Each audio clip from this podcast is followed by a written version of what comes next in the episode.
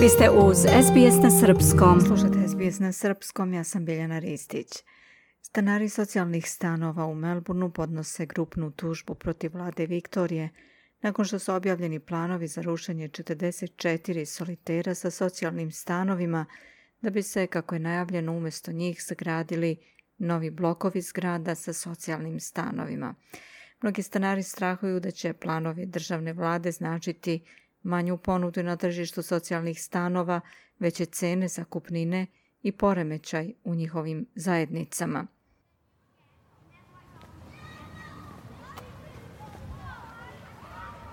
Svima koji su ikada živeli u predgrađima Melburna vrlo dobro su poznati soliteri sa socijalnim stanovima izgrađeni još 1960-ih. U septembru prošle godine stanari su dobili obaveštenje da će biti srušena 44 solitera širom melburnskih predgrađa kako biste umjesto njih izgradili novi kompleksi socijalnih stanova. Međutim, sad su neki stanari odlučili da podnesu grupnu tužbu protiv vlade zbog, kako kažu, kršenja ljudskih prava. Luisa Bassini, advokatica koja zastupa tužbu. We decided to commence legal action because unlike other announcements of this sort made by government um, regarding public housing renewal. Odlučili smo da pokrenemo pravni postupak jer za razliku od drugih najava ove vrste od strane vlade u vezi sa obnovom javnih stanova, kada se obično objasni zašto do promjena treba da dođe, uključujući detaljno razmatranje slučajeva ljudi čija prava će biti pogođena, u ovom slučaju to nismo videli. Nismo videli ni jednu procenu onoga što zovemo procenom pravila pravilnika, a što je dokument koji pokazuje kako su ljudska prava po povelju ljudskim pravima i zakonu o pravima i odgovornostima propisno razmotrena, niti smo zaista videli javno objavljene razloge zašto postoje strukturalni problemi, na primjer kad su u pitanju soliteri koji su stavljeni na spisak za obavezno rušenje. Neki stanari i klijenti Centra za pravnu pomoć koji su tražili da budu anonimni i da im se izmeni glas, objašnjavaju kako su saznali o planovima vlade. Živim ovdje 13 godina, pre toga pamtim hraniteljske porodice i svratišta. Saznanje o rušenju je došlo posle čitanja letka koji je ubađen ispod vrata stana u septembru. Tek tad sam pogledao informacije na internetu. Pomalo je zastrašujuće. Objava je samo dodala tenzije u zajednici čiji pripadnici su i onako nesigurni u sebe, ali ovo nije prvi put da se viktorijanska vlada suočila sa ispitivanjem zbog svog tretmana stanara socijalnih stanova. Tokom zaključavanja zbog COVID-19 u Viktoriji stroga i iznenadna blokada solitera rezultirala je situacijom da na hiljade stanara socijalnih stanova bude bukvalno zarobljeno u svojim stanovima bez pristupa hrani ili lekovima – Viktorijanski ombudsman je kasnije utvrdio da vladine odluke i tretman stanara ne samo da su u suprotnosti sa zakonom, već su i u suprotnosti sa ljudskim pravima. Vlada u svom objašnjenju na internetu tvrdi da su sadašnji soliteri za socijalno stanovanje zapušteni i zastareli u odnosu na trenutne standarde. Sa druge strane, nepoverenje koje su neki stanari već osjećali prema vlastima dodatno je pogoršano.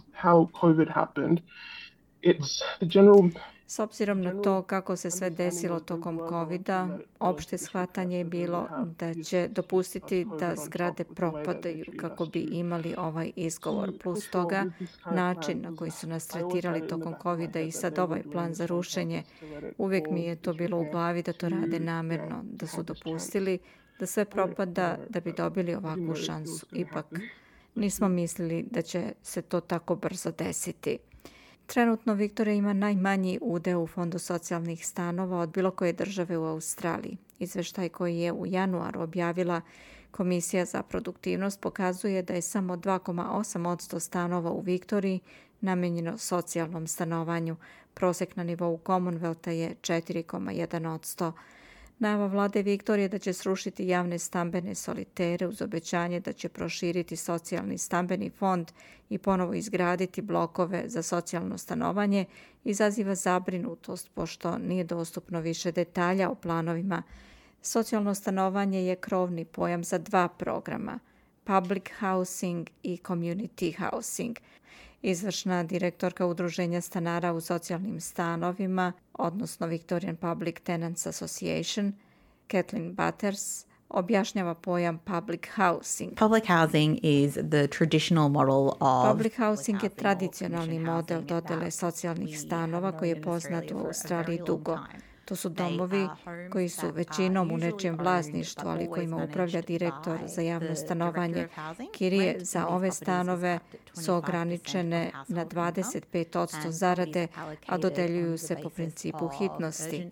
Ona kaže da je razlika između public housing i community housing način na koji se stanovi dodeljuju a da je period čekanja i za jedne i za druge često veoma dug. Community housing was designed to Community housing je program kreiran, pretpostavljam, da doda broj stanova na listu socijalnih, ali ne da zameni public housing.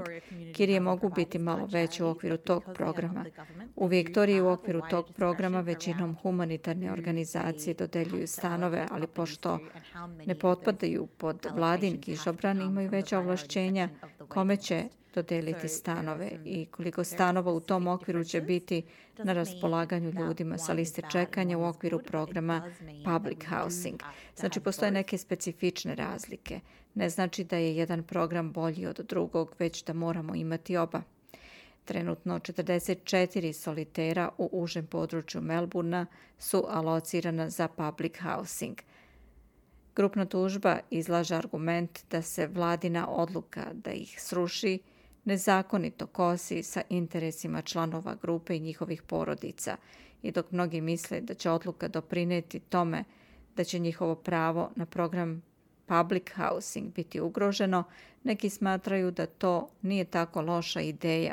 Emma Dawson je izvršna direktorka Nezavisnog analitičkog centra za borbu protiv nejednakosti u Australiji per capita – Ona smatra da je komunikacija vlade sa ljudima trebala da bude bolja, ali se slaže da ove zgrade treba zameniti. A lot of the towers are really out of date in terms of Mnoge zgrade koje su napravljene u okviru ovog plana su stvarno stare u smislu da nisu odgovarajuće za modern način stanovanja.